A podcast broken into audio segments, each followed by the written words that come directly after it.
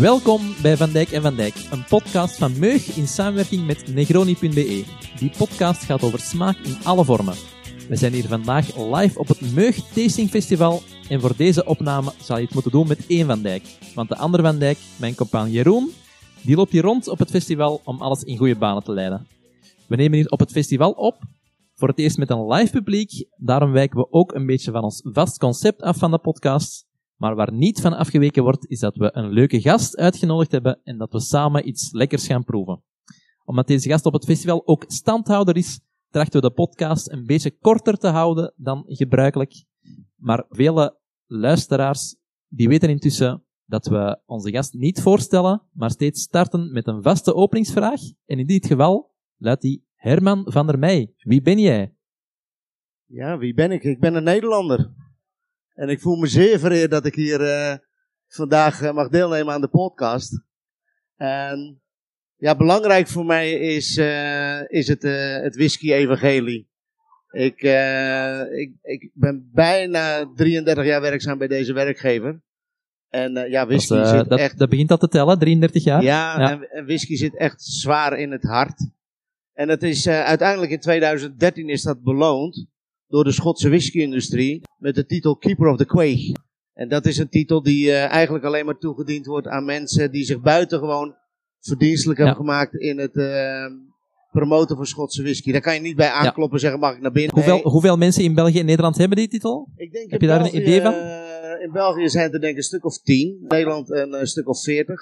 En in de wereld zijn er, ik denk, nog geen 3000. Een, uh, een heel selecte club als je weet hoeveel mensen wereldwijd er bezig zijn uh, met whisky, alleszins. Ja, ja. ja, ja. en nogmaals, ik vraag me altijd af hoe de eerste twee erbij zijn gekomen, want het, het gaat op voordracht van bestaande leden. Ja. dus, maar ja, in ieder geval, ik ben er heel trots op dat ik het ben en dat ik het ook uit mag dragen. En nou ja, vandaar dat ik ook direct zei van ja, ik wil graag deelnemen in jullie podcast. Ja, voor de mensen die niet zo thuis zijn in de whisky, Herman, hij zal het misschien ontkennen, maar het is een, een grote naam, uh, een grote meneer in de whisky. Mensen die wel in de whiskywereld thuis zijn, zelfs in België, iedereen kent jouw naam. Ja, nou ja, dat is uh, logisch gevolg van uh, overal aanwezig zijn en, en je best blijven doen. En, en een eerlijk verhaal vertellen, want dat is natuurlijk ook heel belangrijk. Over een verhaal vertellen, je noemt jezelf de liquid storyteller, klopt hè? Ja, je, je, moet een, je moet een naam hebben, mensen moeten je kunnen herkennen en... Ja. Uh, de naam waarin de business mij eigenlijk nog meer kent dan Herman van der Meij is de Herminator. uh, en uh, uiteindelijk had ik een naam voor Instagram nodig. Ik denk van ja, eigenlijk, ik ben met Liquid bezig. Ik vertel graag verhalen. En laat ik het dan maar noemen de Herman de Liquid Storyteller. Ja, nou ja. ja. dat is hem. Dat is hem. En wat voor verhalen vertel je dan? Ja, dat is echt heel breed. Het, kijk, een Singleton whisky bijvoorbeeld. daarvan zeg ik, lieve mensen, het is een whisky die sowieso op dit festival, maar ook in de hele wereld, de enige is die geschikt is om negen dagen in de week te drinken. En dan denken mensen, wat, wat zegt die jongen nou eigenlijk? En ja, dat Ja, blijft een de leuk- mensen wel een bij. ja. Als ze dan bij Ja. een, eh, een eh, liquor store komen en ze zeggen, ik moet een whisky hebben. Dan komt er misschien een moment dat ze zeggen, ik moet die negen dagen in de, in de week whisky hebben. Nou, dat is de Singleton 12. Dus, eh, en ja, er zijn zoveel. Er is, er is denk ik geen andere categorie van spirits Ehm, waar zoveel verhalen, waar zoveel mythes omheen zitten. Het grootste mysterie is natuurlijk Loch Ness hè, in Schotland. Eh, dus ja, we kunnen daar heel veel, eh, heel veel verhalen over vertellen. Diageo brengt één keer per jaar een eh, set van eh, special releases uit. Ja, die staan ook dit jaar weer echt zwaar in het Ja. teken van, van verhalen vertellen. Die zijn eh, recent uitgekomen, denk ik, hè? Of, ja, of moeten ze zijn, uitkomen? Eh, ze zijn een paar weken geleden uitgekomen.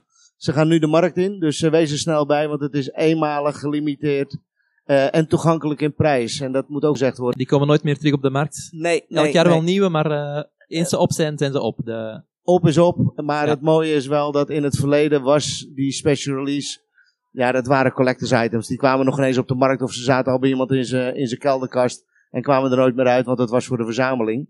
Maar tegenwoordig is het allemaal, eh, ja oké, laat het 100, 150 euro zijn. Maar dan kun je jezelf een keer trakteren met de kerst om te zeggen, nou, ik heb dit jaar een klein kerstboompje, maar er ligt wel een prachtig cadeau onder. En dat is dan een van die special releases. want vroeger waren dat altijd redelijk oude whiskies en nu is dat iets jonger. Dat, dat is een bewuste strategie geweest om de prijs wel lager te kunnen zetten dan? Of, eh? Ja, het, het feit is dat de special releases vroeger eh, eigenlijk misschien maar 20% van de consument be- benaderde. Uh, hoge prijzen, oude leeftijden, verschillende vatopvoeringen. Misschien wel gesloten distilleerderijen. Ja, en, en dat hebben we nu eigenlijk omgedraaid. Nu gaan we voor 80% van het publiek. Die dan eens een keer iets op een andere houtopvoering of op een car strength kan proeven. En ja, daar hebben we eigenlijk veel meer lol in. Neemt niet weg dat we niks doen voor die categorie die echt op zoek is naar die verzamelobjecten. Want daar hebben we producten van, laat ik zeggen, de trophy molds. De Port Ellen en de Brora, et cetera, et cetera. Dus voor iedereen hebben we nog steeds een hele hoop te bieden. Die special releases, zijn die bewust ook op een iets jongere doelgroep gericht? Want als je de artworks ziet, een heel andere stijl dan de, ja. de normale range. Uh, ja. Heel, heel super mooie artworks. Ja, het is, het, het is sowieso op een breder publiek, dus dan kom je eh, eh, ook wel op een uh, misschien wel het artistieke publiek uit. Een stapje lager hebben we in de tijd bijvoorbeeld die, die Game of Thrones gehad. Ja, die waren echt voor ja, mensen die waren gemaakt. super mooi ook. die waren echt voor ja, mensen gemaakt. Lekker en mooi. die Game of Thrones keken en die niks met whisky hadden. Dus de smaken waren ook wat commerciëler, de prijzen waren toegankelijker. en dat was weer een andere differentiatie in de marktbewerking. Dus ja, zeer zeker deze molds ja, die sluiten echt aan bij de doelgroep. Het zijn levendige illustraties, maar wel sprekende illustraties. Ja. En dan komt daar nog eens een keer overheen het, het hele verhaal wat erachter zit. En, en dat doen ze ook wel heel slim. Ze hebben een QR-code op de, op de dozen staan, of op de kartons, waarmee je dus uiteindelijk in het virtuele deel kan komen van de distillery. Of van het verhaal right, wat erachter top. zit. Dus we gaan eigenlijk het verhaal wat we hadden, gaan we drie, vier, vijf keer zo groot maken. Nou, dat is alleen maar mooi. Ja. Zijn de artworks ook altijd aangepast om een verhaal over de, over de distillery te vertellen? Want ik weet bijvoorbeeld in 2020, denk ik dat was, was het thema uh, Nature. Ja, rare by Nature. Ja, rare, by Nature. En ja. Uh, de artworks waren toen de, ja, een beetje gebaseerd op de fauna en flora en, en dieren die in de buurt van de... Nou, in deze serie, ja. dat gaat over illusive uh, uh, expressions. En dat betekent ongrijpbaar. Maar dat ongrijpbare wordt ook weer gevoed door allerlei verhalen die er omheen zitten. En om dat dan weer levend te maken, moet je natuurlijk uiteindelijk ook dan wel weer de, de, de illustraties hebben die dat dan ook weer voeden. Dus... Fantastisch. Uh, en het wordt, er wordt goed op gereageerd. En ik zou je zeggen, ik heb laatst in Nederland de perspresentatie gedaan. En de influencers. En dat waren de acht whiskies. En uiteindelijk hebben we gevraagd, steek je hand op welke espressie je nou het mooiste vindt, het lekkerste vindt. En er was niet een eenduidig antwoord. Ja. Het was dus voor iedereen was dat er is altijd iets. leuk. Dat er, uh, ja, en dan heeft ja. de masterblender, die heeft uiteindelijk goed werk dan gedaan. Dan heeft hij zijn job goed gedaan, absoluut. Dat, dat is waar het om gaat. Voor iedereen iets brengen. Klopt. Uh, onze podcast is heel breed gericht. Die, die is voor mensen die graag wijn drinken, voor mensen die graag bier drinken. We hebben zelfs al over thee en koffie gepraat. Dus niet iedereen is volledig thuis in de whiskywereld. Je hebt Diageo al een paar keer genoemd. Maar ja. dat, Diageo wordt als merk op zich niet uitgebracht. Hè? Dus, dus je hebt binnen Diageo verschillende merken. Johnny Walker kent iedereen wel, denk ja. ik. Uh, ja, het is niet onze strategie om de merknaam uit te brengen. Zoals je bijvoorbeeld in Nederland Unilever hebt als bedrijf waar dan allerlei shapen en voedingsmiddelen onder hangen. Ja, dat doen wij niet. Uh, Procter Gamble die zal in, uh, in alle advertenties zal die zijn naam zetten. Wij doen het niet. Uh, wij, wij communiceren liever de naam waar het over gaat. In dit geval Johnny Walker. Of het gaat misschien over onze zes malts. Lagavulin, in Oban, Talisker, Craigenmore, Clankinchi, Dalwini. of de Brora, ja. heel specifiek voor de, voor de geeks in de business. Maar uh, niet de naam Diageo. En heel veel mensen kennen die hele naam dus ook niet. Nee, uh, en het eerste wat ze misschien wel denken is van nou, uh, wat is dat voor een bedrijf? Is het een Italiaans bedrijf? Diageo? nee, het is 100% Engels en beurs genoteerd. En we, ja, we zijn de grootste drankenproducent ter wereld. En we ja. maken Smirnoff en we maken Johnny Walker. We maken Guinness bier. Uh, maar bijna ook uh, 40% van alle Schotse whiskies. Dus, ja, het is uh, inderdaad wel grappig dat, dat het grootste drankenconcern ter wereld en toch kent niet iedereen de naam nee. Diageo. Dus dan, nee, maar ja. het zou gek zijn als ze wel je naam kennen, maar ja. niet de producten. dan, dan hebben we echt een probleem. dan heb je een probleem, ja. ja klopt.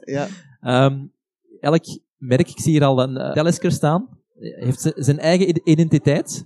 Ik denk dat we de Talisker zelfs gaan proeven. Misschien moet je maar eens even... Ah, hij staat al uitge... Ja, ik, ik heb er eentje meegenomen ja. en dat is niet zomaar eentje. Want kijk, eigenlijk, die zes classic molds, die, die waren opgebouwd uit bijvoorbeeld die 10 jaar. Ja. Dat is, dat is uh, de standaard variant. Maar wat ik nu meegenomen heb voor je, Yannick, is een, uh, een whisky die in 2007, dat is al wel een poosje geleden, maar is die uitgeroepen als beste whisky in de wereld. Uh, door een consumentenpanel en een professioneel panel. Dus niet wij van WC Eend adviseren WC Eend. Nee, het is echt objectief geweest. Ja. En wat maakt dan deze Tellesker zo speciaal?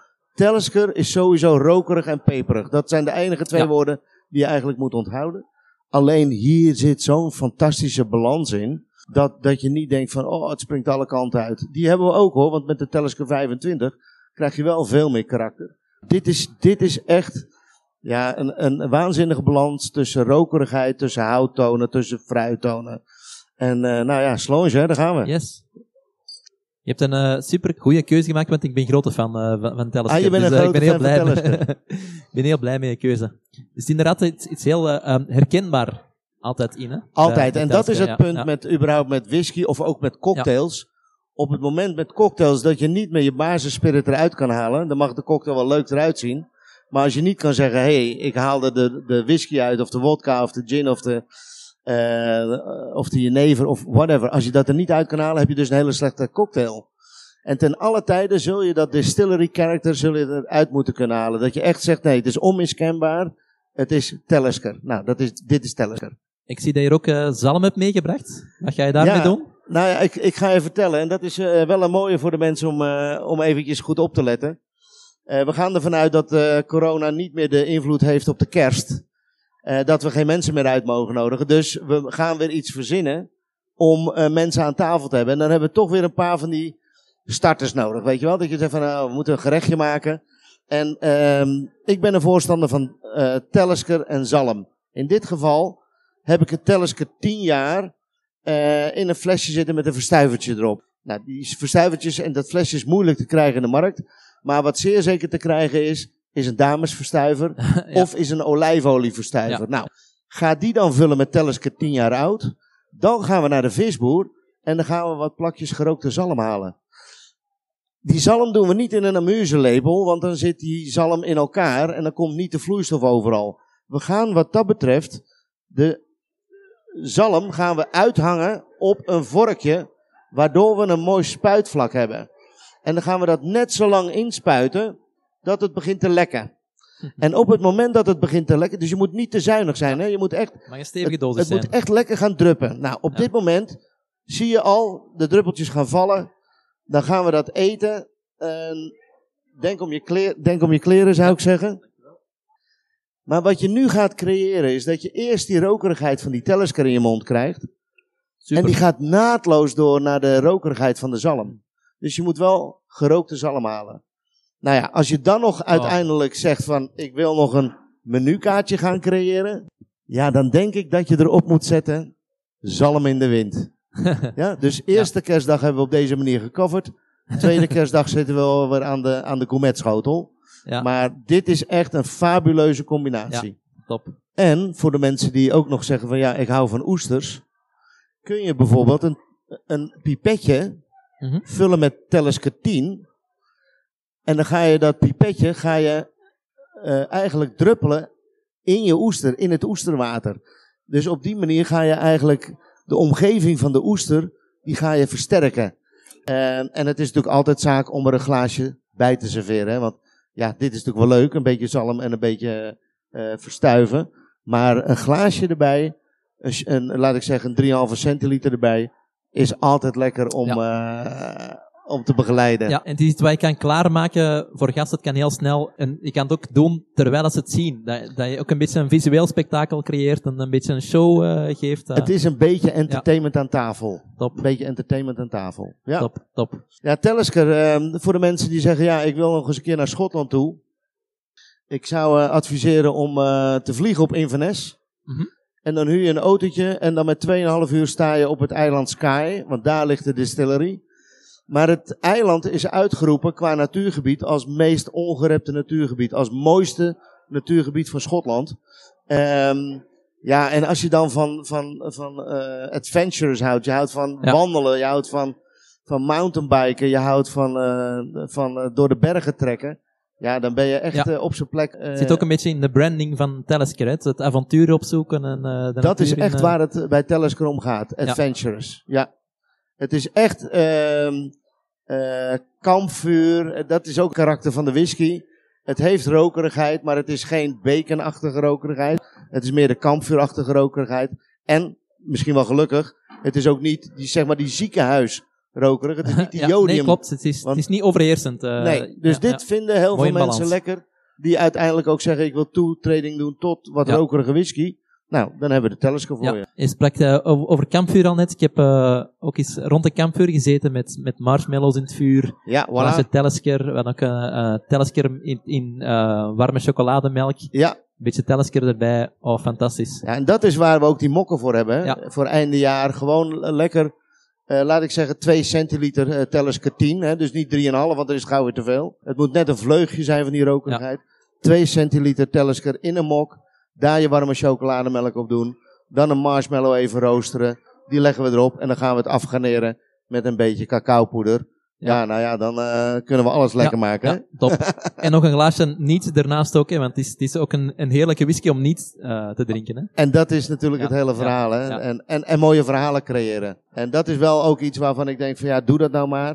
Het leven is te kort. Eh, ga, ga uiteindelijk herinneringen eh, creëren. In plaats van dat je flessen gaat verzamelen. Want ja, dat gaat de kast in en dan doet het niet meer. Maar het creëren van verhalen, es- eh, eh, laat ik zeggen ervaringen met vrienden. Ja, dat is een versterkingsfactor. En dan zeg je, oh, weet je nog wel, toen en toen en daar en daar. Eh, en met je voeten in het water of op die boot, dat we Ja. nog die tellerske erbij hadden. Ja, dat zijn echt de mooie verhalen. En als liquid storyteller, eh, wat is een van de leukste verhalen die je kan eh, prijsgeven? Nou, ik heb wel een mooi verhaal. En dat is het verhaal. eh, ik, ik hou van zeilen. Ik heb Australië gezeild. Ik heb Egeïsche Zee bezeild. Ik ben van Amsterdam naar Leustoft in Engeland gezeild. En uiteindelijk zeiden mijn vrienden, zullen we naar Schotland? En toen dacht ik van nou, waarom niet, weet je wel. En, en toen zei ik tegen mijn vrienden, misschien moeten we naar het eiland Skye. En toen zeiden ze, "Ho- eh, Skye, hoezo, hoezo dan? Ik zei, nou, daar zit een distillery. Nou, dat hebben we dus afgesproken. Ik heb onze eh, Global Brand Ambassador voor de malts, Ewan Gunn, heb ik gevraagd om een afspraak te maken bij de distillery. En ehm, nou ja, we zijn gaan zeilen, maar die distillery ligt in een baai. En dan wordt het eb en vloed. Maar we hadden geen eb en vloed. Nee, het was zeemist. Dus in die baai konden we niet verder. We hebben de boot voor anker gegooid. En we zijn met de dinky, met dat kleine rubberbootje, door de mist heen richting land Heerlijk. gevaren. En toen doemde er iets op. En dat was wit en dat werd witter en helderder en helderder. En uiteindelijk stond er het woord Telesker op. Die distillery Ja, dat een ligt super echt ervaring geweest zijn. die ligt echt Ja. aan, die, aan, de, aan de zee. Je hoeft echt maar een weggetje van twee meter over te steken.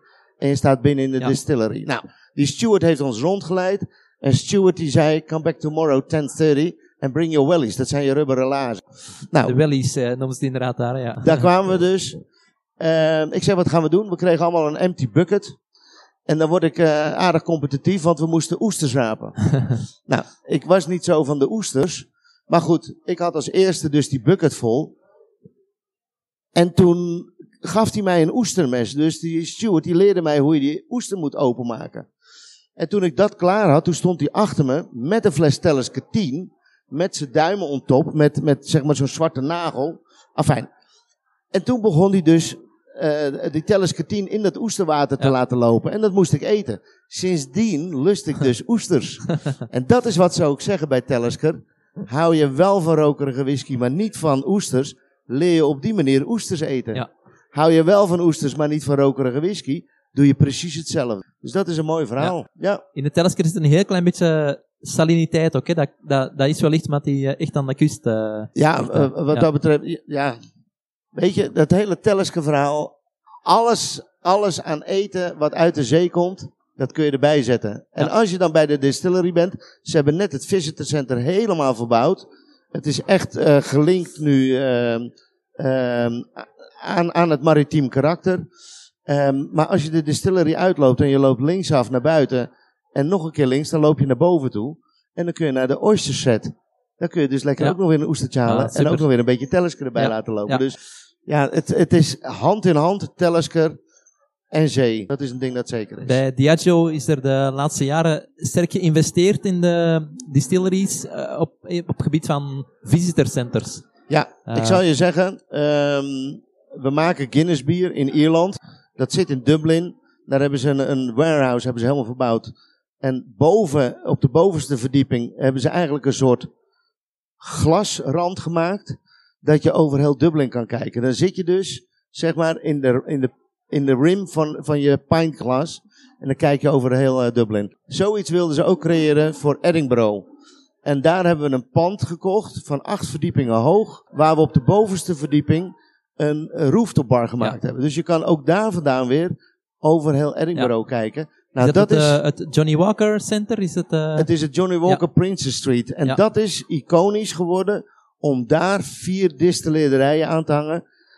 Van, van, uh, nou, dan kan je er een soort van doorreis van maken. ja, en die vier distilleries die leveren dus hun whisky aan Johnny Walker. Nou, één daarvan is wat we noemen de Edinburgh Malt. en dat is Dalwin, sorry, dat is uh, Glenkinchie. Uh, op een half uur downtown Edinburgh met de shuttlebus zit je in dat visitor center. Maar we hebben ook Kleinlish in, de noorden, in het noorden, de noordelijke coastal. Die is weer gelinkt bijvoorbeeld aan Johnny Walker Gold Label. Want in de heuvels bij uh, eh, Kleinkinchy hebben ze wat goud gevonden in die riviertjes, in de beekjes.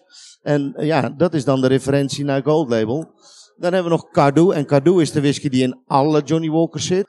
Uh, en de laatste is Colilla op het eiland Isla. En dat is de rokerige component die veel gebruikt wordt, met name ook in uh, Johnny Walker Black Label. Dus die vier distilleries met hun visitor centers, ja, die creëren eigenlijk gewoon de cirkel om Johnny Walker Princess Street heen. Oké, okay, daar ga ik zeker eens bezoeken dan. Ja, dat moet je zeker doen. Over Johnny Walker uh, gesproken, ik, heb, ik kan ook een beetje een liquid story, een, een, grappig feitje dat ik eens gehoord heb, dat er een, een Bollywood acteur was, die de naam uh, Johnny Walker aangenomen had. Uh, en die speelde vaak, die, het typetje dat hij speelde, de, of de rol dat hij speelde, was vaak dat hij um, whisky dronk en, en heel dronken was. En die werd in India zo populair dat mensen in, vandaar dachten dat het whiskymerk vernoemd was naar de acteur. Naar hem? In plaats van oh. andersom. Dat vond ik wel uh, okay, dan een, heb je wel een, hele een leuke anekdote. Ja. Heel sterk personage. vond ik wel uh, een leuk verhaal. Uh, we zijn wel altijd gebaat bij responsible drinking. Want dat is het belangrijkste ja, wat absoluut. we hebben. Hè? Dus ja. Ja, als een acteur uh, altijd uh, dronken is, dan ja. hebben we... Uh... Ja, vanuit het merk wil je daar niet per se mee, nee, gelinkt worden, nee, dat snap absoluut ik. Maar, niet, absoluut niet. Nee. En ik heb zelf ook nog een leuk verhaal, van een kleine anekdote. Ik heb zien in Berlijn, dat was toen het BCB was, dus een van de grootste ja. beurzen op, op het gebied van, van alcoholische dranken ter wereld. was ik in Berlijn en ehm, ja, dan ga je natuurlijk s'avonds ook altijd cocktailbars bezoeken. Ja. Ik kwam de bar van het Ritz Hotel binnen en er was nog net één plaatsje in heel de bar. Dus ik ga, ik ga daar zitten. Ja. Ik, ik, ben de hele avond aan de praat met, de, met de man die naast mij zat. Over heel veel gepraat, maar niet over whisky of over cocktails of zo. De dag daarna zie ik die man op het podium van de Diageo World Class de prijs oh. uitreiken. Oh. Het bleek uh, John Williams te zijn, ja. die de ja, Global Scotch Director, of ik weet niet wat, wat zijn titel juist is, maar ja. een van de allerhoogste pieven uh, van Klopt. Diageo. Uh. Klopt. Ja, vond ik wel grappig dat, ja, ik heb er heel een avond mee gepraat, zonder over whisky te praten, als ik dat had geweten. Ik zou je zeggen, het, het, het verhaal doet me denken aan Max Verstappen die bij de kapper komt. En die kapper die zegt van, uh, ja, er komen hier nog wel eens, er komen hier nog wel eens uh, coureurs uh, om geknipt te worden. Maar hij had nooit in de gaten dat het Max Verstappen was. ja. De laatste jaren zijn, is er veel gebeurd. de brexit, corona, ja. de oorlog, waardoor er inflatie ook is. Ja, in hoeverre heeft dat een, een invloed op de whisky-industrie? Nou, ik denk dat de grootste invloed nog moet gaan komen. En dat heeft alles te maken met... ehm, uh, zeg maar de aanvoer van materialen. Hè, met de supply chain, zoals dat genoemd wordt. Uh, want er kwam natuurlijk sowieso al veel, uh, met name gerst uit Oekraïne. En als daar een deel van wegvalt, ja, waar haal je het dan vandaan? Ja. Dus dan zal de prijs de, ook wel... Het is de graanschuur van Europa, wordt wel eens gezegd. Ja, ja. dus er, er, gaat wel wat gebeuren. Ehm, Cardo bijvoorbeeld, ja, die gaat voor een groot aantal landen met de 12 en de 15 en de 18 jaar, gaat hij even van de markt om andere markten te voeden. Met name Spanje, uh, ja. waar Cardo de grootste single malt is. en, Spanje, en, eh, en eh, Frankrijk. Eh, overigens wel een mooi verhaal nog, is dat in Spanje, eh, daar hebben ze natuurlijk een beetje de gin tonic uitgevonden Ja. in dat koppaglas verhaal. Veel ijs, eh, want heel veel mensen die houden dus niet van, van bitter, van tonic eh, en geparfumeerdheid van, eh, van gin. Maar als je dat natuurlijk in een groot glas doet met veel ijs, ja, dan ga je alle geuren en smaken opsluiten en dan zeg je, ik lust het nu wel. Maar die Cardo in, in Spanje, als zijn dan warm land, die drinken ze daar tegenwoordig ook in koppaglazen met veel ijs. Eh, en dat is misschien nog wel een mooi haakje naar hoe moet je whisky dan drinken. Eh, mag je het met cola drinken, mag je het met ijs drinken of met water of whatever. Ja, ik zeg altijd, zolang als je de rekening betaald hebt, maakt het mij niet uit wat je ermee uitvreet. Ehm, wie ben ik om uiteindelijk te zeggen dat je Johnny Walker Blue Label niet met ijs mag drinken of mag mengen met sodawater of wat dan ook. Als jij dat lekker vindt op die manier, moet je het zeker Ja, ja. doen. Als, als expert kan je advies geven, maar als er iemand liever met ijs dan zonder ijs drinkt, dan moet hij dat vooral doen. Dan ben ik helemaal... eh, Zeker weten. Ja, en nogmaals, eh, het, het aantal mensen die zeggen van ja, ik wil me gel- laten gelden. Ik wil laten zien dat ik centjes heb en eh, daarom doe ik het ook. Los van of je het lekker vindt of niet. Nou ja, als jij wil laten zien dat je centjes hebt en op die manier, ja, moet je het zeker doen. Ik vind het allemaal prima. En er zijn dus ook barmensen die zeggen, oh nee, dat serveer ik u niet. Maar nee, ik vind gewoon, eh, het enige wat je niet meer eh, moet- eh, moet schenken, dat is aan mensen die al beschonken zijn. Want dan moet je gewoon zeggen, nu is het klaar. en maar voor de rest, de zijn. voor de rest Ja. vind ik altijd, moet je leveren Ja. wat er gevraagd wordt. Ja. Voor de mensen die hier live aan het luisteren zijn, welke, welke whisky moeten ze zelfs nog komen proeven bij jou? We staan hier op, op, de, op het Meugfestival. Eh, ik heb een paar dingen bij me. Ik heb sowieso de Singleton 12 bij me. Voor die mensen die zeggen van joh, ik ben niet zo thuis in de whiskywereld. Ik wil whisky leren drinken. Ik wil een toegankelijke whisky hebben. Nou ja, dat is dan wat ik noem de negen dagen in de week whisky. Ehm, maar daarnaast, uit diezelfde Space hebben we ook een whisky die niets heeft van appeltjes en peertjes en moutigheid en honingachtige tonen. En dat is moordlak. En moordlak zit in alle Johnny Walkers. Eh, als dat we daar nu genoeg van hebben, dat het ook als een distillery bottling op de markt komt. En dat is een whisky met tabakstonen, met leertonen, met eh eh eh kersenjam, met chocoladetonen, met kruidigheid. Dat is echt een whisky waar je op moet kouwen. En we noemen het dan ook een vlezige whisky. En juist omdat hij die vlezigheid heeft, noemen we het vanuit, vanuit Schotland de Beast, Beast. Ja, of ja. Dufftown. Ja? Dus dat is de tweede. En de derde zou ik zeggen, ja, als je rokerigheid zoekt, kom dan maar lekker eh, die, die welbekende Talisker halen. En, en als je wil investeren in whisky, want dat is tegenwoordig ook een, eh, een ding, hè, dat mensen zeggen, ja, eh, ik koop het niet voor het lekkere, maar het rendement smaakt zo lekker. Ik wil, het, ik wil mijn geluk beproeven voor de toekomst. Nou ja, die Talisker 18 jaar, nou, ik denk dat die 140 euro kost in België. Maar dat is zeer zeker een hele acceptabele prijs. Nogmaals, voor de beste whisky in de wereld. Ja. Dus Als we enkele jaren verder zijn, gaat die wel- wellicht wel eh, wat duurder gaan. ja, ik zeg eh, gewoon eh, één, keer, één keer nog je geld uitgeven met deze kerst. En een mooi cadeautje onder de boom neerleggen. En dan, ja, dan ja, eigenlijk gewoon die herinneringen creëren met vrienden. Dus je moet er eigenlijk twee kopen. Hè? Ja. Eentje, eentje om te drinken en eentje om weg te leggen. En dan zeg je niet zomaar aan meer te verkopen. Nee, dat is het. Dat is het. Ik denk dat ik nog uren met jou zou kunnen praten, maar we hadden beloofd om het redelijk kort te houden. Dus ik kan Ja. nog één slotvraag stellen. Welke raad heb jij voor mensen die starten in de whiskywereld? Want het kan nogal overweldigend zijn. Hè? Het is een gigantisch aanbod. Ja, ik denk eh, een paar dingen. Eén, ehm, laat je zeker niet leiden eh, door datgene wat je vrienden zeggen dat je moet doen. Ik zou haast zeggen, ehm, ga naar een, eh een specstore, een liquor store. Laat je voorlichten. We hebben zelf de flavor map gemaakt. En de flavor map is online nog wel na te kijken.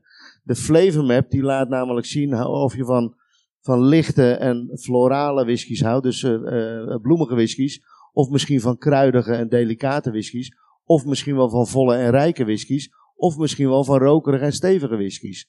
Nou, dat is een sluitend verhaal. Ehm, je kan eh, zeer zeker ook zeggen, ik ga wat samples bestellen. En dan je eigen ontdekking gaan doen. Op die manier kan je op een betaalbare manier verschillende whiskies leren kennen. Ja, en waar ik ook in geloof, om met vrienden eens af te spreken, laat het een clubje van Ja. zes of acht man zijn. Ja, En elk pakt een flesje mee. Iedereen neemt een flesje mee. Ja. En iedereen verplicht zichzelf om iets van die whisky eh, voor te bereiden. Qua wat, wat is het voor whisky? Waar komt die vandaan? Wat zijn de tonen die erin zitten? Dat, dat je een soort spreekbeurt houdt over die whisky. Ja, ja. Dat doe je met z'n zes of met z'n achten.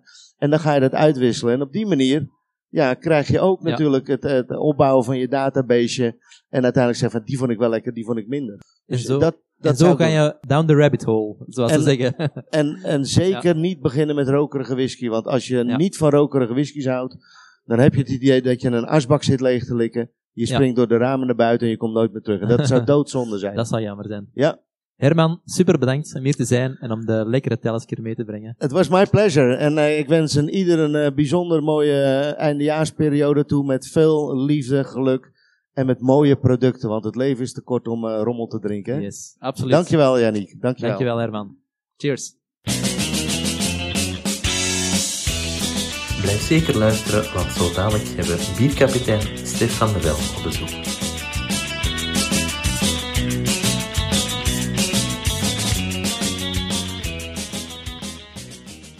Stefan van de Velde, wie ben jij? Wie ben ik? dat is al zeker een goede binnenkomer. Ehm, maar ik ben Stefan, of Stef eh, in kort voor de meeste mensen die mij kennen. Ehm, de bierkapitein. Eh, wat doe ik eigenlijk? Ja. Ik hou me voornamelijk bezig met eh, contact leggen van kleine brouwerijen, microbrouwerijen, bierfirma's, en die dan eigenlijk promoten naar de horeca toe. En eigenlijk een, een gezicht te geven zonder dat zij al te veel in hun eigen beurs moeten tasten eigenlijk. Ja, ik hoorde daarnet hier al dat je verschillende roepnamen hebt, maar dat je gerust altijd met de bierkapitein moet aangesproken worden. Ja, Want je inderdaad. hebt hier al eh, Stef, Stefan, Stef van de Vel, van de Vel, dat je hier al verschillende namen gehoord. Ja. Maar eh, bierkapitein mag dus altijd, eh, ja, dat is een, een, een roepnaam dat je graag hoort. Dus. Ja. Hoe lang zit jij al bezig met bier? Met bier op zich ben ik al meer dan 20 jaar bezig. Eh, met de bierkapitein, ja, zoals iedereen het wel weet, eh, met de huidige coronaperikelen die een paar jaar geleden zijn geweest, eh, had ik besloten om er toch iets eh, professioneels mee, mee te gaan doen. En daar ben ik dan ook volop op mijn eigen op ingezet om daar toch een, een zekere invulling aan te geven. En een meerwaarde binnen de Belgische biercultuur te kunnen zijn. En voorlopig is dat nog een nevenactiviteit, Dat of is is dat al je hoofdberoep? Dat is een nevenactiviteit. En, maar je hoofdberoep is ook eh, in bier, de biersector te Eh, ik vinden. ben of, eh, eh, werkzaam bij Brouwerij Haagt. Alright. En als bierkapitein, wat, als, als er klanten bij u komen, wat mogen ze van u verwachten? Waarin kan je ze helpen? Oh, dat kan heel uiteenlopend zijn, omdat we eigenlijk op eh, vele facetten van, eh, van de vragen kunnen eh, invulling geven. Dat gaat van eh, een microbrouwerij die van hobbymatig wilt opschalen naar een professionele volumes. Daar een begeleiding aan te geven, een coaching aan te geven van een weg te sturen eh, in de bierwereld, eh eigen koers te geven, vandaar bierkapitein. En dan naar de horeca toe, eigenlijk evenementen te kunnen organiseren voor de horeca toe. Samen eh, promotie voeren voor de beide kanten, zowel de brouwer, biermakers, als voor de horeca. Dus dat we eigenlijk daar een, een mooie synergie en een mooie samenwerking mee kunnen eh, we eigenlijk laten uh, voortbewegen eigenlijk. Het, het verhaal van de uit de hand gelopen hobby, dat is iets wat we heel vaak horen. Dus dat zul jij dan ook misschien wel vaak horen. Dus dat zijn, dat zijn dan vaak mensen die bij u komen kloppen. Van, uh, Eh, ja, inderdaad. Ja, ik ben begonnen met een hobby, maar het begint wat uit de hand te lopen en ik heb wat hulp nodig. Uh. Ja, ik heb hulp nodig. Ja. Ik, heb, uh, ik heb de tools niet, of ik ken de mensen niet. En aangezien dat ik al verschillende jaren ermee bezig ben en heel veel mensen persoonlijk ken, is het al makkelijker om aan te kloppen van ga naar die persoon toe om er iets te laten te maken of te fine-tunen. En dus echt de, samenwerkingen met uh, alle facetten van de Belgische horeca en de brouwerswereld. Right. We gaan uh, enkele jaren terugspoelen. Hoe is het bij u begonnen? Wat was voor u de eerste kennismaking met het betere bier? Dan heb ik het niet over de, de pintjes als, als 16, 17-jarige, maar... Uh, nee, uh, ja, ben, of, of, was het toen ook al? Dat kan, hè? Dat je direct... Ik, ben, ik zal het modern zeggen, ik ben een Gen X'er. Hè? Ja? Dus uh, bij mij was het eerste, was ik een jaar of 12, 13. En dat was dan echt op zijn... Van, ik ben zelf van de Antwerpse Kempen, en dat was een bolletje. En toen mocht ik van mijn ouders, uh, nou, bij zijn, een, een prinsje drinken. Alright. Dus uh, vandaar is het eigenlijk mee begonnen. Dus mijn uh, Special Belge En dan zo verder geëvolueerd. Altijd speciale bieren. Dus eh Ja. pils is minder aan mij besteed. En er dan echt direct vanaf jonge leeftijd ook al erin gerold en er echt heel actief mee bezig? Of, of is dat geleidelijk Eh, aan? dat is eh, geleidelijk aan. Ik ben ja. op een 18e eigenlijk eh, aangesloten bij verschillende bierverenigingen. en daar dan altijd in de organisatie gezeten bij de grotere festivals. Zoals bij Zitos Bierfestival. eh ook altijd ben ik in het begin al bij Billy's Antwerpen samen geweest. Nu, een van de jongste festivals is eh, de Beer Experience, waar ik me eigenlijk ook eh, heel graag mee bezig hou. Dus, en nu sinds anderhalf jaar aan de andere kant van de toog. Het is, het is hier zeker niet van onze gewoonte van, van mensen zwart te maken of zo, maar zijn er ook, heb je ook slechte ervaringen gehad in al die jaren? Je moet er nu geen merken of zo Nee, op plakken of, of eh, horecazaken of zo, hè, maar zijn er Goh, slecht. Of is het dat is vooral een positief verhaal? de, dat zal iedereen of iedere zelfstandige die met horeca te maken heeft wel, eh, wel beamen. Het wordt steeds moeilijker om Ja. nou, alle kosten te betalen. Iedereen heeft het moeilijk. En ja, dus het kan wel eens zijn dat je achter de centen moet gaan om... Ja, ja. Het zal de laatste jaren niet gebeterd zijn met de COVID-verhalen. Nee, nee, nee, daarom. Dus dat, dat is het mindere. Maar eh, aangezien dat ik nog klein en eenmanszaak ben, eh, ben ik er redelijk flexibel in. Ja. Zolang als er een consensus is en eh, een goede afspraak, dan ben ik nog vrij Ja. meegaand. Alright. We gaan het even omdraaien en even de... Zijn er heel positieve zaken? Wat is zo het leukste bierverhaal dat je al hebt meegemaakt in al die jaren? Het leukste is eigenlijk voor mij het contact met de kleine brouwers, de nieuwe brouwers, de echt innovatieve eh, brouwers die op de markt komen met fantastisch leuke producten, eh, echt smaakvol eh, combinaties dat je echt van die sokken wordt geblazen. En dat je dat dan mocht vertegenwoordigen en, en meenemen naar de horeca toe en daar uw verhaal te doen. En terug opnieuw van de feedback te krijgen van, wauw, dat is iets leuk en daar gaan we verder mee. Of, of dat ze een zekere ja, samenwerking willen aangaan van kwaliteit, kwaliteit smaak zit goed. En eh, dat is voor mij het eh, echt leukste. Het leukste eh. Over meenemen gesproken, je hebt er ook iets meegenomen, hè? Dat we kunnen proeven. Eh, ja, ik heb eh, de nieuwe meegenomen van eh mijn vrienden Brouwer, eh Geuzensteker, eh Joop en Niels. Voor de meeste geuzenliefhebbers wel bekend. Eh een jongen op de, jongeren op de markt eigenlijk, is 2016 gestart. Hij is een beetje een atypische eh, geuzensteker, Is blender. dat, is dat zeldzaam dat er daar nog bij komen? Eh, de laatste jaren zijn er wel enkele bijgekomen, waaronder de Lambic-fabriek. Eh, en dan heb je nog een twee, drietal die er last bij zijn gekomen. Maar dat zijn dan eigenlijk eh, zo, vooral de stekers eigenlijk. Dus voor onze luisteraars een steker. Kun je even uitleggen wat dat juist is? Want we hebben, onze podcast gaat heel breed. Het gaat over whisky, over koffie, over thee soms. Dus eh, niet iedereen is helemaal mee. Ja, dat is eigenlijk de lambic-steker. Dus die, die koopt de, de lambieken aan Ja. bij diverse lambic-brouwers. En die gaat hij dan zelf blenden, zijnde een 1, 2 en 3-jarige lambiek.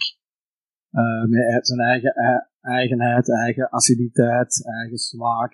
Eh, en die gaat hem eigenlijk de mooiste combinaties eh, van maken, die voor eigen smaak van de steker dan eigenlijk. En die zet hij dan op fles en laat hij dan ook mat- materialiseren. Alright. En ben maar eens benieuwd om te proeven wat je hebt, eh, wat je hebt meegenomen. Ik heb de nieuwe meegenomen van de Lambic-fabriek.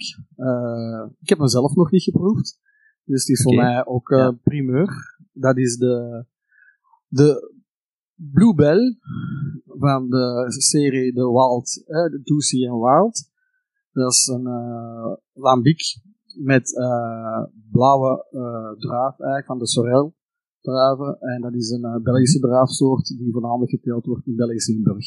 Top. En daar is dan een, een, een combinatie van Ja. lambieken met die druiven Gaan we die druif er dan ook echt in proeven? Of, eh? Eh, dan zal ik de fles moeten ja, je, hebt- dus. je hebt zelf nog niet geproefd. Dus, Die heb ik eh, nog niet geproefd, nee. Ja, Oké, Dus ja, ja. dan zal ik hem eventjes openen. Dus eh Stef is nu even de fles aan het openen. Ik hoorde dat eh eh, Stef deze nacht ook maar drie uur geslapen heeft. Dus eh, fantastisch dat hij hier toch de tijd neemt om hier aanwezig te zijn, om hier lekkere dingen te laten proeven aan ons. Dus eh, we zijn heel blij. Dus gaat de fles open met een kurkentrekker. Nu gaat het een plop horen. Is dat in bier ook dat je de plop niet mocht horen? Oh, voilà. We hebben al een paar keer mensen uit de wijnwereld eh, op bezoek gehad in- die zeggen al, allemaal dat je eigenlijk de plop niet, niet mocht horen, maar het is eh, veel te leuk om dat niet te horen. Hè? Dus dat geeft toch een, eh, een gevoel van voldoening. Hè? Alright, dankjewel. Lekker hè? Ik zal mezelf moeten proeven. Ik ben er altijd eerst aan het Ja. raken, dus... eh, Ja. ja, ik had een beetje dorst. ik, ben, ik ben normaal ook iemand die eerst altijd lang, lang ruikt voor het een proef, maar we moeten de, pod- de podcast redelijk kort houden, dus vandaar. ja, ja. Ja. De- Deze is mooi. Deze Ja. is mooi. Voor een, voor een blauwe druif. Je hebt een mo- mooie, mooie aanwezigheid. Je raakt hem ook.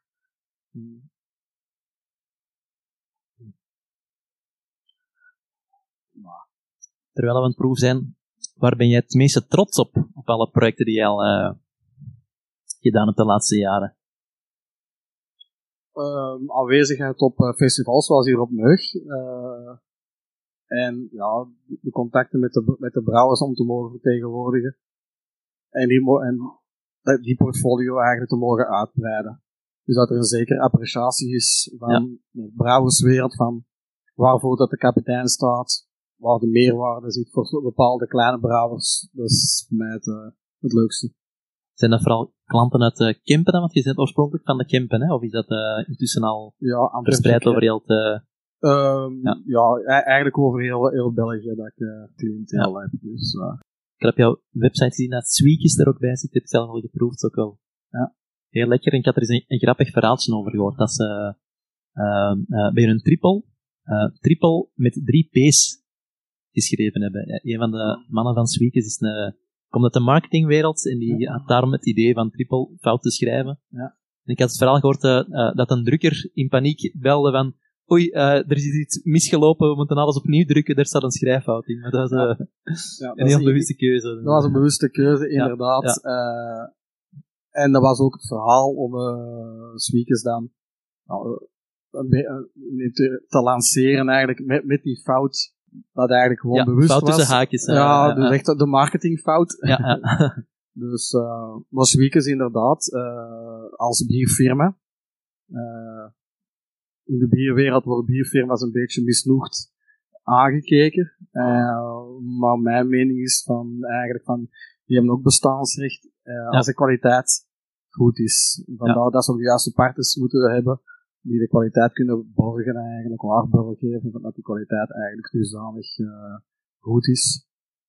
En dat ze daar eigenlijk geen, uh, geen zorgen meer over moeten maken van uh, gaat het lukken, gaat het niet lukken. En Sweekers doet dat heel goed.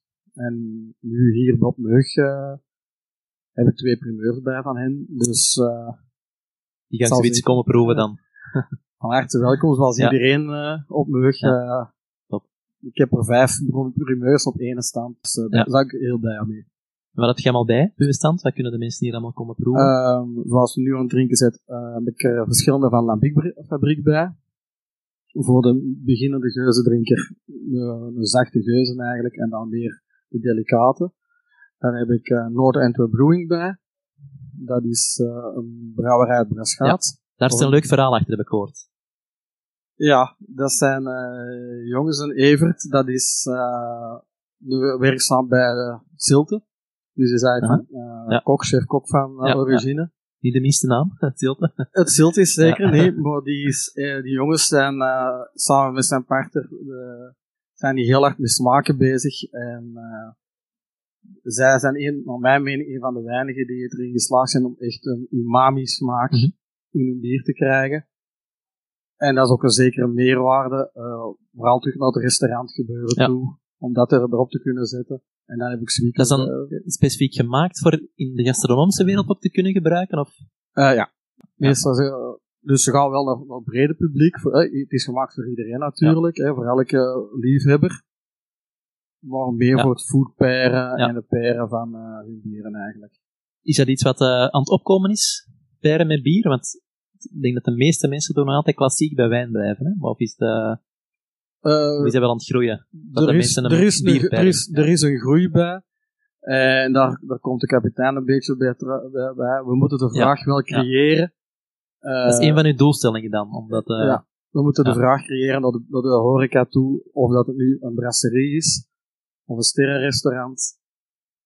Je kunt overal bij alle gerechten kun je zowel een wijn bijzetten, een thee, Ja. een koffie. Eh, maakt niet uit, maar je kunt altijd het juiste product bij het juiste gerecht zetten. En Ja, dat, is, ja. dat is een mooie zoektocht. Ja. Ik denk dat dat een beetje is in de auto-industrie, noemen ze dat butts in seats krijgen. Eh, eens dat je in een auto gezeten hebt, kun je makkelijker verkopen. Dus ik denk dat dat misschien hier een beetje hetzelfde verhaal is, dat de mensen het gewoon eens moeten meemaken. Een, een diner met een volledige bierpeiring, om dan te ontdekken dat dat ook super lekker kan zijn en dat we niet altijd voor de wijn moeten kiezen. Denk dat, eh, Ja, ja, inderdaad. Je moet, je Ja. moet eigenlijk de mensen de, een beetje leren, eh, Ja. eigenlijk een beetje opleren van wat de mogelijkheden zijn. Dus, eh nee, dat is wel een beetje een doelstelling inderdaad, mag je wel gezegd ja. worden. dat is een van de doelen waar je naartoe zou willen gaan, dat dat bekender wordt. eh. Onder andere, ja. Zijn er andere trends in Belgisch bierland of wereldwijd bierland? Eh, Bepaalde oude, vergeten bieren dat terug heropleven of zo? nu de laatste jaren is eigenlijk eh, het extreme, de smaken, extreme smaken er een beetje aan het uitgaan. De mensen eh, eh, gaan meer, of het publiek, heb ik gemerkt, meer naar de traditionele smaken. Een echte goede, een goede pils, een goede trippel, een goede geuze. Echt de, de puur sma unieke, pure smaken die eigenlijk eh aan oudsher terug eh, moeten her, herleefd worden. En, en dan eigenlijk, ja, samen met de, met de Duitse stijl, die komen ook heel Ja. hard op. Zich wel mooie ontwikkelingen. Hè? Eh, ja, een, een brouwer. Ik, ik hoor toch enige twijfel in je stem? Ja, of- ja. Ja, een, brou- een brouwer, Ja. die, eh, vroeger was het, eh, je kunt eh rattenvleugels en, en eh eh, dus muskusratten en, en, al, en alles in, in je ketel smijten en het zal verkocht worden met de meest extreme smaken. Maar de, dat is passé. Eh, dus eh, nu, nu gaan ze echt naar de pure smaken, naar de essentie. Ja. En de kleinere brouwers hebben dat ook begrepen om daar op verder in te zetten. Je sprak ook kort over de Duitse bieren, dat, dat hoor ik vaker en vaker. Dus dat is ook iets wat aan het opkomen is. Hè? Dat, ik denk dat veel mensen daar een beetje een, een negatief denkbeeld over hebben, maar dat dat wel foutief is. Hè? Uh, ja, de Duitse stijlen eigenlijk wel. hè, zoals ik zeg, dat zijn puur, pure stijlen. En als je een, een brouwer of een, een productmaker wilt onderscheiden van zijn kwaliteiten en hij kan zo'n stijlen mooi neerzetten, dan weet je dat je echt met een goede brouwer bezig bent. En dat vind ik het mooiste. En dat, is ook de kwaliteit die, die je wilt brengen naar de mensen toe natuurlijk. Heb jij een favoriet bierland? België? Of en indien België, buiten België, nog een ander favoriet? Ehm, Nederland ben ik wel fan van. Eh, en België uiteraard. Dus Ja. de kapitein voornamelijk de Belgische brouwerijen. Maar Nederlandse brouwerijen hebben ook eh, heel mooie, mooie zaken te bieden. En, eh, dus de combinatie van de twee eigenlijk. En ook een favoriete bierstijl? Of is dat nu, u, laten kiezen tussen uw favoriet kind? eh, De stijl is bij mij een beetje seizoensgebonden Ja. eigenlijk. Eh, in de zomer ga ik meer Ja. naar de sours toe, naar de zuurdere bieren. Eh, in de winter ga ik naar de stouts en de imperials. Dus dan ga ik naar de zware, donkere bieren meestal. Dat is, dat is een momentopname, een gevoel dat je hebt. En een goesting eigenlijk. Een mug. Ik ben een man uit de, uit de cocktailwereld. En eh, ja, als je daar aan iemand de vraag stelt van wat is uw favoriete cocktail, dan krijg je ook veel de vraag van ja, dat, dat kan van dag tot afhangen, afhangen, van het seizoen afhangen, van de temperatuur buiten afhangen. Maar voor mij, ik kan dat wel makkelijk benoemen. Dat is de Negroni voor mij, omdat er daar, ja, je kunt dat als, als soort van template bekijken, waar je mee kunt gaan spelen. Je kunt er een zomerse variant van maken, een winterse variant.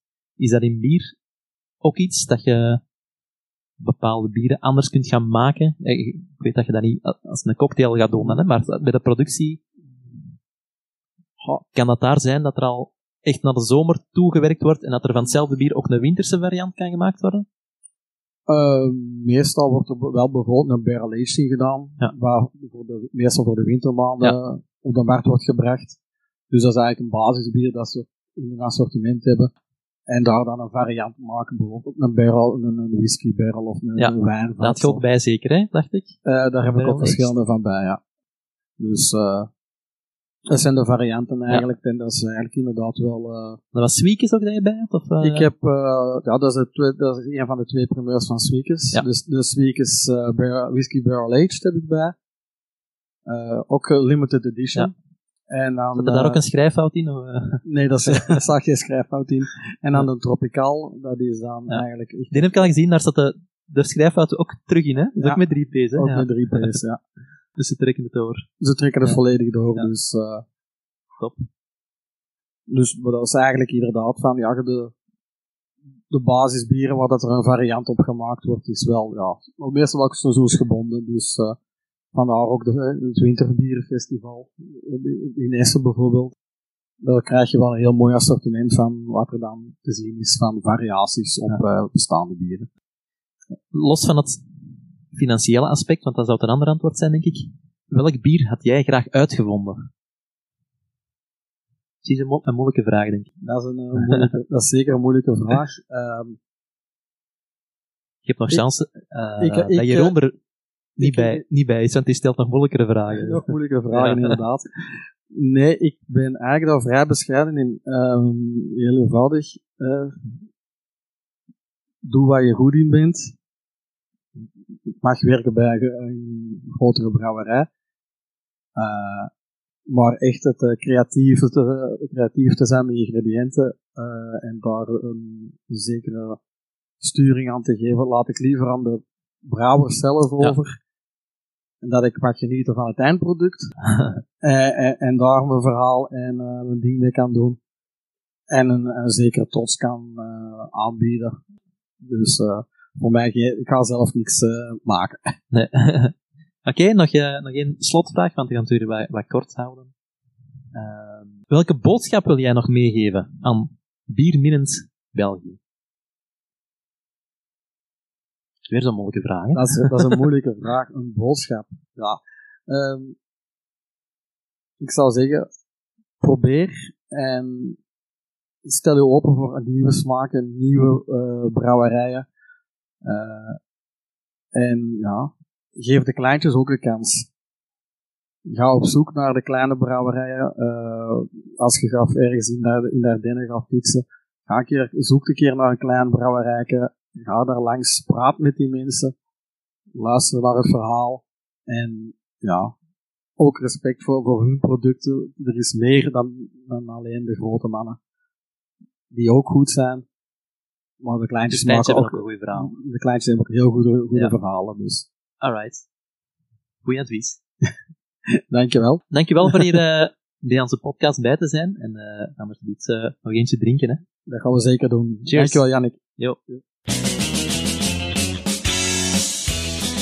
Onze volgende en laatste gast is Reinoud Monen van Wijndomein Walterus.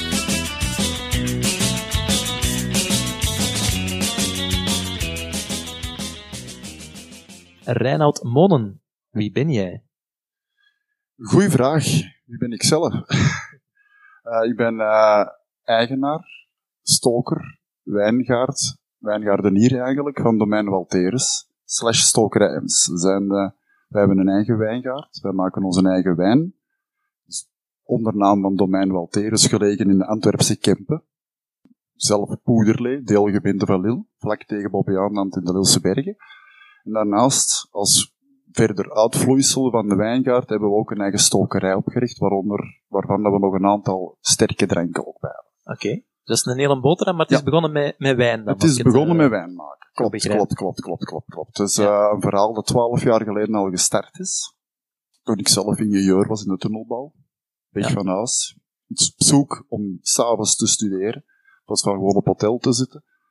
Graag wijn drinken van 16, 17 jaar leek dat logisch van eigenlijk toch in die richting iets te gaan doen. En van het ene is het ander gekomen. Een opleiding gevonden, avondschool kunnen volgen en dus beginnen groeien. Het is begonnen met Ja. eh, een 400 plantjes in de eigen tuin. Het is ondertussen uitgegroeid tot uh, 1 hectare aan wijngaard. Dus we zijn nog niet de grote giganten. We, we horen al wel bij de iets grotere moten eigenlijk, zeker in de provincie Antwerpen. Ja. Was je op die moment al wat langer bezig met wijn, of is dat redelijk snel gegaan? Ik zou zeggen, van, uh, gemaakt, toen, ik denk in 2010, is echt het idee gekomen van we gaan wijn maken. Gewoon vooral in eerste instantie, we gaan wijn maken om op de familiefeesten te schenken. Maar met de opleiding is het een beetje automatisch gekomen van ja, we kunnen er iets meer mee doen. We zien er de mogelijkheden wel mee in. Het zou een, uh, een mooi ding zijn om te kunnen ontsnappen aan de 9 to 5 dagdagelijkse sleur dat we nog altijd wel een beetje meemaken. En zo is het stilletjes aan verder aan het groeien. Dus uh, de intentie is wel dat we nog wel, nog wel bij gaan, Ja. gaan planten. Ja. Bij Belgische wijnmakers hoor je vaak dat uh, het idee gestart is toen op VTM de serie De Zuidflank te zien was. Is dat bij jou was er al voor. Er al was er ja. al voor. Dus we waren echt, echt gewoon, het is eigenlijk de basis om echt met wijn te beginnen maken, is eigenlijk vooral begonnen bij mijn broer. Omdat mijn broer ehm cider maakte. En ik wou zelf iets maken, maar ik wou niet hetzelfde maken. En ben altijd graag, ik heb altijd een, een wijndrinker geweest, dus de stap was dan eigenlijk logischerwijs van de wijn te gaan maken. En dan begin ik gewoon beginnen opzoeken, beginnen studeren, beginnen lezen enorm. Ja. Enorm veel. En dan had ik wel gevonden dat er al wel een, een paar wijngaarden in België waren, maar nog niet zoveel. Dus eh, twaalf jaar geleden, toen ik met opleidingen bezig was, dan was ik de jonge snaak tussen een hoop gepensioneerde mensen. Ondertussen zijn we in een heel andere situatie terechtgekomen natuurlijk. Ehm, zijn we wel in de, in de, in de middenklasse wat terechtgekomen. Maar we waren wel voor Zuidflank al effectief Ja. al wel met de plannen Ja. voor de wijngaard bezig. En die broer zit ook nog mee in de zaak? Of Nee, nee, nee, nee, mijn broer eh, heeft, ja. staat er eigenlijk los van. Die, die Ja. maakt zelf geen cider niet meer, die maakt momenteel bier. Dus dat is een ander verhaal. En de, de plaats waar, je, waar het de wijngaard is, dat was daarvoor geen wijngaard? Dat is echt door jou nee, gestart? nee, nee, nee, Ja. nee. Wij zijn inderdaad, wij komen uit Hertje-Kempen. Toen, eh, twaalf jaar geleden, waren er eigenlijk in de provincie Antwerpen nog maar heel weinig wijngaarden. Dus we hadden wel zoiets van, we hadden een eigen woning. We waren daar wel gesetteld, dus we hadden wel het opzicht van, ja, we gaan niet naar Frankrijk verhuizen om, om per se die droom Ja. waar te maken. Dus we gaan dat proberen gewoon bij ons in de warmste streek van heel België te doen, want de Kempen is eigenlijk wel de warmste regio Ja. van heel België. Dus het was een beetje een gok. We hebben ook gekozen voor druivenrassen die niet zo evident zijn in België. Dus we hebben meer gekozen voor traditionele Franse rassen. De meeste Belgische wijngaarden kiezen voor hybride rassen. Dat zijn kruisingen, dat zijn nieuwe soorten. Of kiezen nogal rapper naar Duitse soorten. Wij zijn echt naar de Franse soorten Ja. gegaan. Dat maakt het ons iets moeilijker, maar dat geeft meer de uitdaging. En, en we houden er wel van, van koppig ons eigen ding Ja, te kunnen Dus doen. eigenlijk zijn het niet de typische wijndruiven en, en heb je het je eigen moeilijk gemaakt? Ja, eh, Ja, ja, Franse druiven hebben nog iets meer zon die nodig. van, van dat smaakprofiel houdt? Of, eh, Het is eh, een beetje inderdaad naar het smaakprofiel gekozen. Dus ehm wij willen geen Franse wijn maken. Wij wonen in België, wij wonen in de Kempen, dus ik wil een echte Kempische wijn maken. Maar we hebben wel Merlot aangeplant, we hebben de Cabernet Franc aangeplant, dat zijn echt de typische Bordeaux druiven. Dus we willen wel de wijn maken met een knipoog. en gaat het over meerdere wijngaarden of is het op, op één We plaats? zijn eh, begonnen bij ons eigen thuis met eh, een proefwijngaard aan te planten. Dan hebben we in 2013 een eh, extra perceel aangeplant, een eh, 1800 planten, voornamelijk rood geweest. Omdat we toen op die moment zelf alleen rode wijn dronken. Dus hebben we een klein percentage witsmar aangeplant gehad. Die blijkt uiteindelijk zo enorm gegeerd te zijn dat we in 2020 nog een half hectare wit bijgeplant hebben. Dus en dat is in Vorselaar geweest. Dus we hebben nu eigenlijk twee percelen, een klein en een iets groter in Poederlee zelf en eentje in Vorselaar. Dat is vlak bij mij thuis, ik woon in Herentals. Dus, eh, Oh, voilà, kan ik voilà, eens op voilà, bezoek voilà. komen? Kunt je vrij, vrij bezoek komen? Of, Ja, eh, ja, ja wij, doen, wij doen eh, rondleidingen, degustaties, wij doen bedrijfsbezoeken. Wij hebben, ehm, hoe moet ik zeggen, wij hebben op onze, onze wijngaard in, in Boederlee zelf, licht tegen lichtaard aan. Daar hebben wij echt lounges zitten. Die zitten helemaal achterin, van achter in het veld. Daar zit in alle rust tegen een natuurgebied aan. En daar hebben wij verschillende lounges opgesteld staan, waar dat je echt, ehm, waar we een paar keer een open deurdag doen op de, wijn, op de wijngaard zelf, maar waar mensen ook vanaf 10, 10 personen een privé rondleiding met Ja. degustatie kunnen, Ja. kunnen boeken. Ja. Je zei net al dat je ongeveer 1 hectare wijngaard hebt. Is dat veel? Is dat weinig? Laten we zeggen, in, in de provincie bij ons denk ik dat we de, de derde of de vierde grootste zijn. Dus dat is nog niet zoveel. Daar kunnen we nog niet van leven. Als je echt wil, van wilt leven van de wijngaard alleen, heb je 5 hectare minstens nog. Dus we zijn in de goede richting. En we hebben gelukkig daarnaast wel de stokerij. En de wijngaarden zijn op twee plaatsen. Is er dan ook een andere bodem? Of, eh, Nee, nee, nee, nee, Het is uiteindelijk, ik zal zeggen, nee, de, de, de nieuw aangeplante wijngaard, die is in Vorstelaar, maar op 10 meter van Poederlee, van de grens met Poederlee. Dus uiteindelijk is het nog wel dezelfde ondergrond. Ja, ja. En dat is redelijk vlak van landschap. Het is redelijk vlak van landschap. Ja, ja, ja. Het heeft voordelen, nadelen. Is, eh, moet, het, moet een wijngaard op een helling gelegen zijn? Helemaal niet. Er zijn zoveel wijngaarden op de wereld die op allerlei hellingen, al dan niet, plak, platte vlakken liggen. Het helpt wel. Het geeft iets meer bezonning, het geeft iets meer concentratie van de zonnestralen. Nu druiven gaan iets rapper en gemakkelijker rijp worden, dat wel, ja. Maar het En- moet niet, het moet zeker niet. En een voordeel van vlak?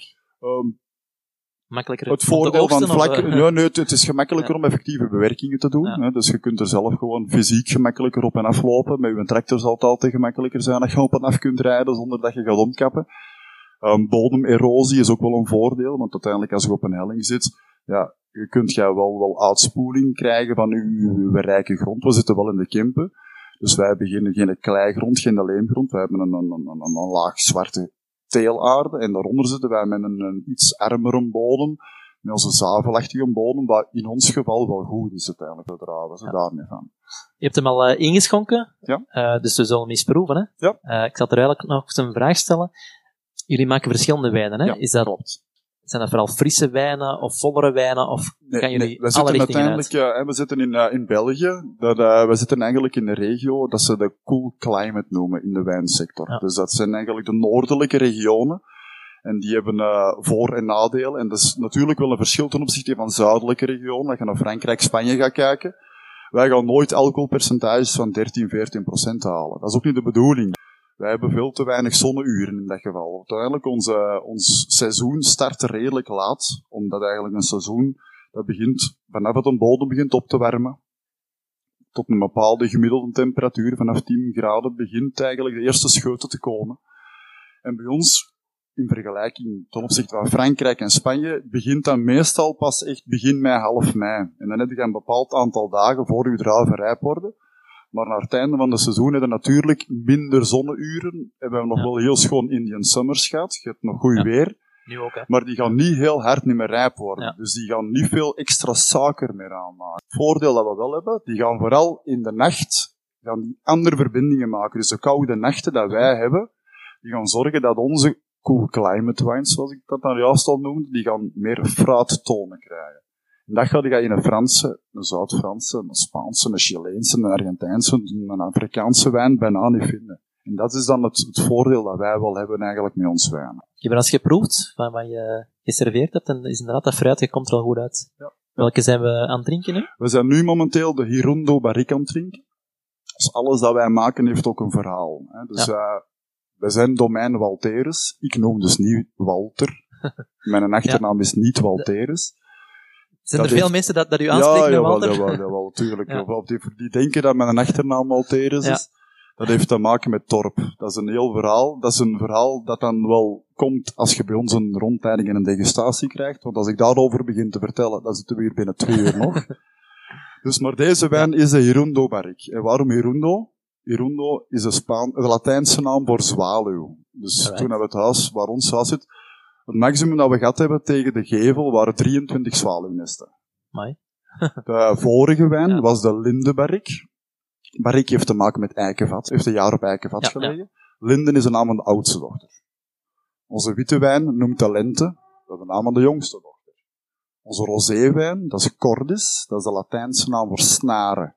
Waarom? Omdat we alle vier een snaarinstrument spelen. Dus zo heeft alles dat we maken en dat we bij hebben en, en doen wel een verwijzing naar iets dat met ons privéleven te maken heeft. En komt dat ook terug op het label? Of, eh, Op het, eh, op het, grafisch gezien bedoel ik In het grafisch Ja, gezien, ik zou zeggen, het, het logo, de MM dat je ziet staan, Ja. dat staat eigenlijk voor ons twee achternamen. Monen Mieles. Mijn achternaam is Monen en mijn vrouw noemt Mieles. Dus dat zijn de twee letters van onze achternamen. Die twee M'en, die komen ook terug in de stokerij. Dus onze stokerij noemt M's. Dat is niet EMS, maar is eigenlijk M's. En komt van, je hebt één M en je hebt En twee, twee M's. Dus er zitten altijd wel linken tussen heel het verhaal met alles dat we maken, dat klopt, ja. En wat maken jullie in de stokerij zoal? Dus um, we zijn in de tijd, twaalf jaar geleden, begonnen met de, de wijngaard aan te, te planten en, en, en, en alle plannen te doen. En een jaar of vijf geleden uh, maakten we al wijn van onze eigen druiven natuurlijk. Wat deden we met de afval? De druivenschillen in het uitgegist was, dat was in de wijngaard. En uh, we hebben toen niemand horen spreken en die zei van ja, waarom maken ze daar geen grappen van? Ik zeg, ah ja, eigenlijk wel. We kunnen er eigenlijk van ons eigen restproduct circulair werken. Dus Ja. we kunnen eigenlijk gewoon, in plaats van het gewoon weg te gooien, er nog iets extra mee gaan doen. En zo ben ik eigenlijk echt nog begonnen met opleiding uh, stoken verder te volgen. Nog avondschool stoken gevolgd. In eerste instantie om grappen te maken. Mag geen grap aan noemen trouwens, want dat is een beschermde oorsprongsbenaming van Italië. Maar En dan jullie het iedereen dan? kent. Goh, levenswater. Ja. Laten we het eh, als het kind met een naam mee. hè, maar de grappen blijft herkenbaar voor de meeste mensen uiteindelijk. En eigenlijk zijn er vooral daaruit nog vier gins gevloeid. Wij hebben twee rums bij. Ik heb zoiets nog iets voor jou te proeven. Nog een eau de vie van kweepeer bij, een hele speciale. Alright.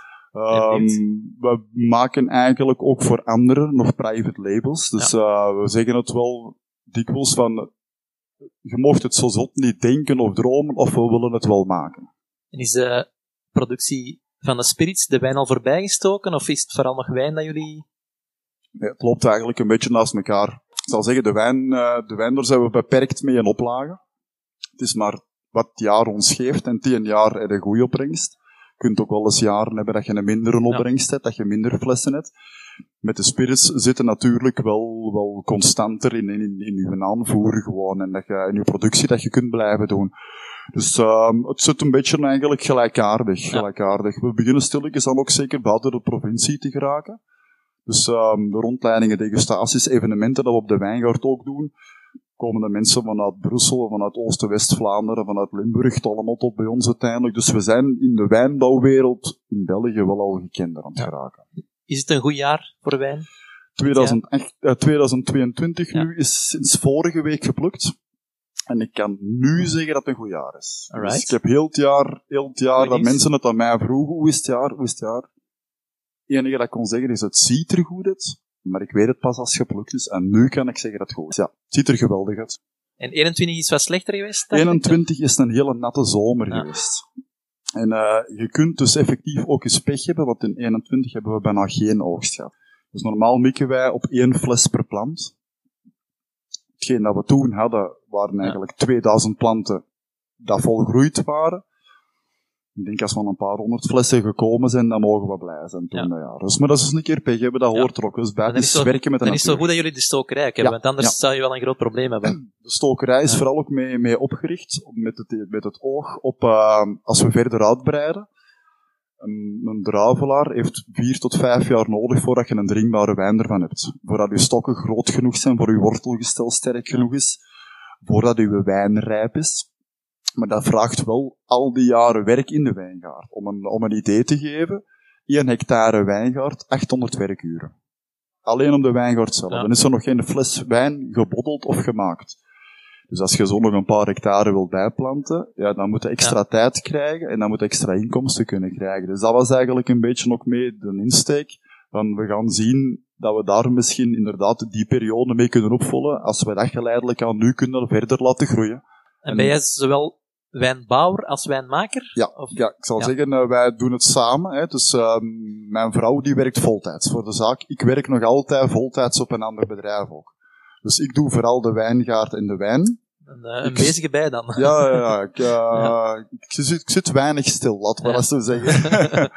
Ehm, ik stook ook de, de destillaten op zich, maar mijn vrouw doet wel de rest. Dus alle sterke dranken dat we hebben, die heeft zij helemaal alleen gemaakt. Zij heeft die smaken bepaald, zij heeft eigenlijk de, de verhoudingen bepaald, zij doet ook de grafische vorge, vormgeving. Dus alle etiketten, de webshop, Ja. de website, dat heeft ze allemaal eigenlijk zelf en dat beheerst Ja. zij verder ook Het, het- allemaal. het is een job, maar ik voel dan nu dat je er ook wel veel voldoening uit haalt. En dat Ja. er daardoor ook een soort van ontspanning is. Ja. Ja, wel, wat ik moet Ja. eerlijk zeggen, van uiteindelijk zeker omdat we er al zo lang met de wijngaard bezig zijn, in eerste instantie. Ehm, onze wijn is al geproefd door verschillende topchefs.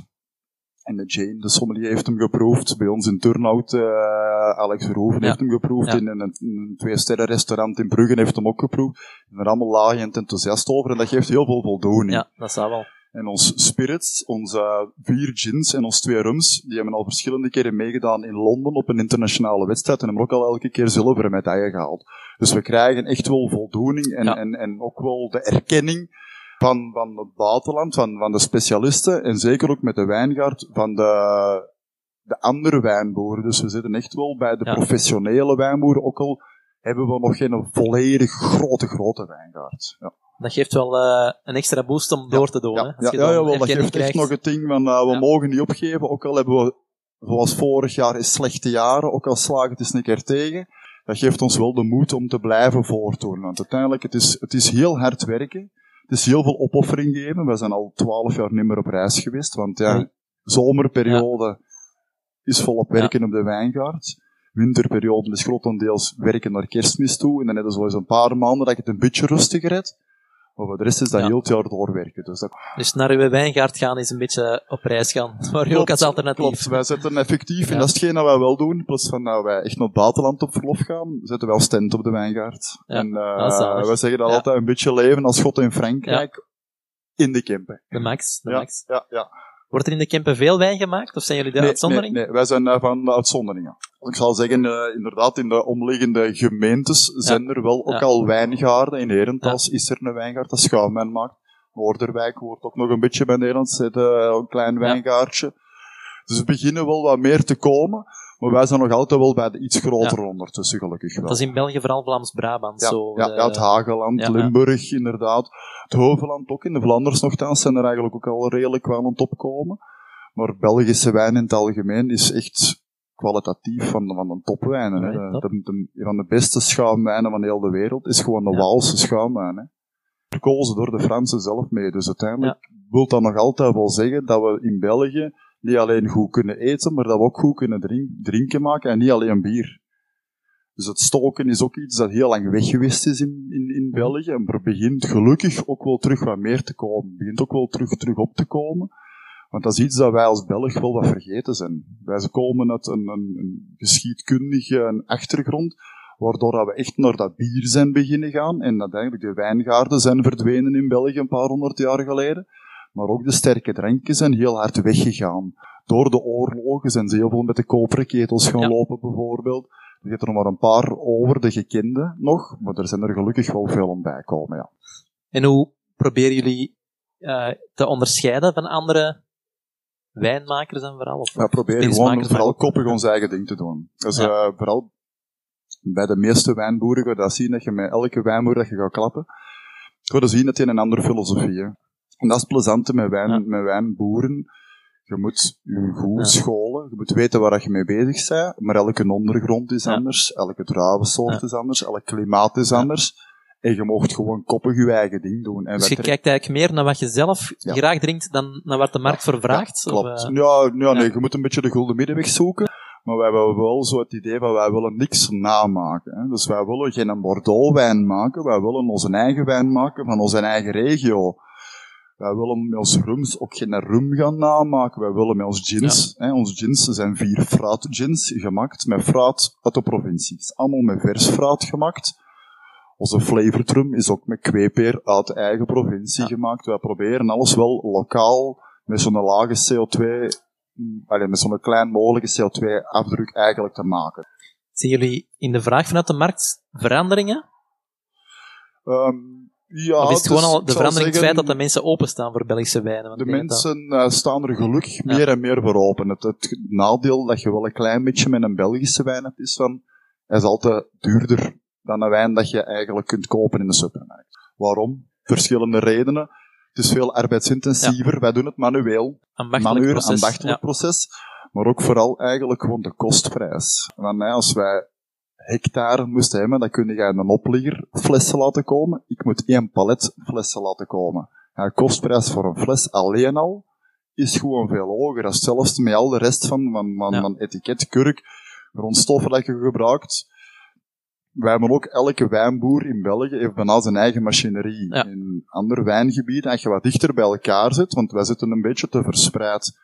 dat werkte samen. Dan had de ene pers voor tien wijngaarden hier in België, heeft elke wijngaard zijn eigen pers. Want anders moeten noodzaak, twee dorpen ja. verder gaan rijden voor de ene te gaan halen, die dat op dat moment ook ontpersen is. En dat werkt zo niet zo goed. In Wallonië heb je al één coöperatieve, die dat wel samen doen, in Laak. Maar hier bij ons in de Vlaanderen is dat nog veel minder. Is dat eigenlijk nog niet zo. En hoe zit eh, deze qua prijs? Uh, Wij zitten op 16,5. 16, dat is, Ja. dat is niet heel veel, hè? Dat is, allee, voor, Het ik heb hem nu geproefd en dat is het zeker nee, maar waard. eh. Voor veel, voor veel Ja. mensen, hè, dus als je de, de gemiddelde mens koopt een wijn om 5, 6 euro. Ja. Die vinden dat al te veel uiteindelijk. Ja. Dat is een wijn voor ook van te, te genieten. Dat is niet een wijn voor even eens goed Nee. zat van te drinken. Want daar ga je natuurlijk inderdaad wel een, een, toch veel geld tegenaan kletsen dan. Het is eh, super lekker. We zitten intussen al eh, ongeveer aan 20 minuten en we moeten nog iets proeven. Dus eh, misschien moeten we daar. Ik heb nog een tweede productje Ja. mee. Dus buiten de, de gins en de rums maken we natuurlijk nog andere dingen. Ik kan u een eau de vie van kweepeer laten Ja. proeven.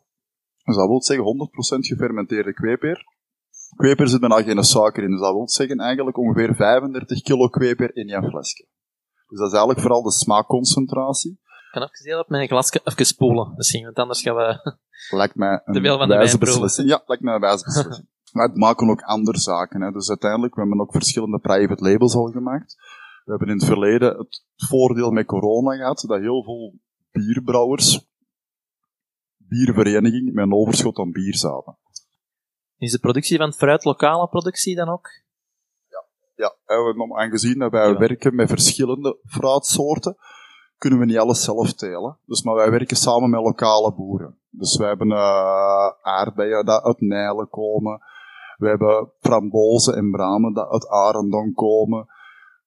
De kweeperen komen soms van ons eigen, want we hebben wel een aantal kweeperenbomen staan, maar we kunnen niet alles volledig dekken. Dus eh wij hebben eigenlijk ook, ook rond Antwerpen soms mensen dat eigenlijk de kweeperen aanbieden. Dus een beetje, maar we proberen het echt lokaal te houden. Ja. Dat is sowieso. Dat is wel Ja. heel de insteek van het verhaal. Ja, Ruikt al super lekker deze. ja wel, wel. Dank u. Het smaakt ook heel lekker. op welke manier wordt deze gemaakt? Dit is eigenlijk gewoon drie keer afgestookt. Dus dat is eh 100% puur gefermenteerde kweeper. Maar Ja. omdat er zo weinig suiker in zit, van natuurlijke suikers, in een appel zit heel wat meer suiker in, in een druif zit nog veel meer, er zit nog veel meer natuurlijke vruchtsuikers in, want uiteindelijk hebben die suikers wel nodig om je een alcohol te maken.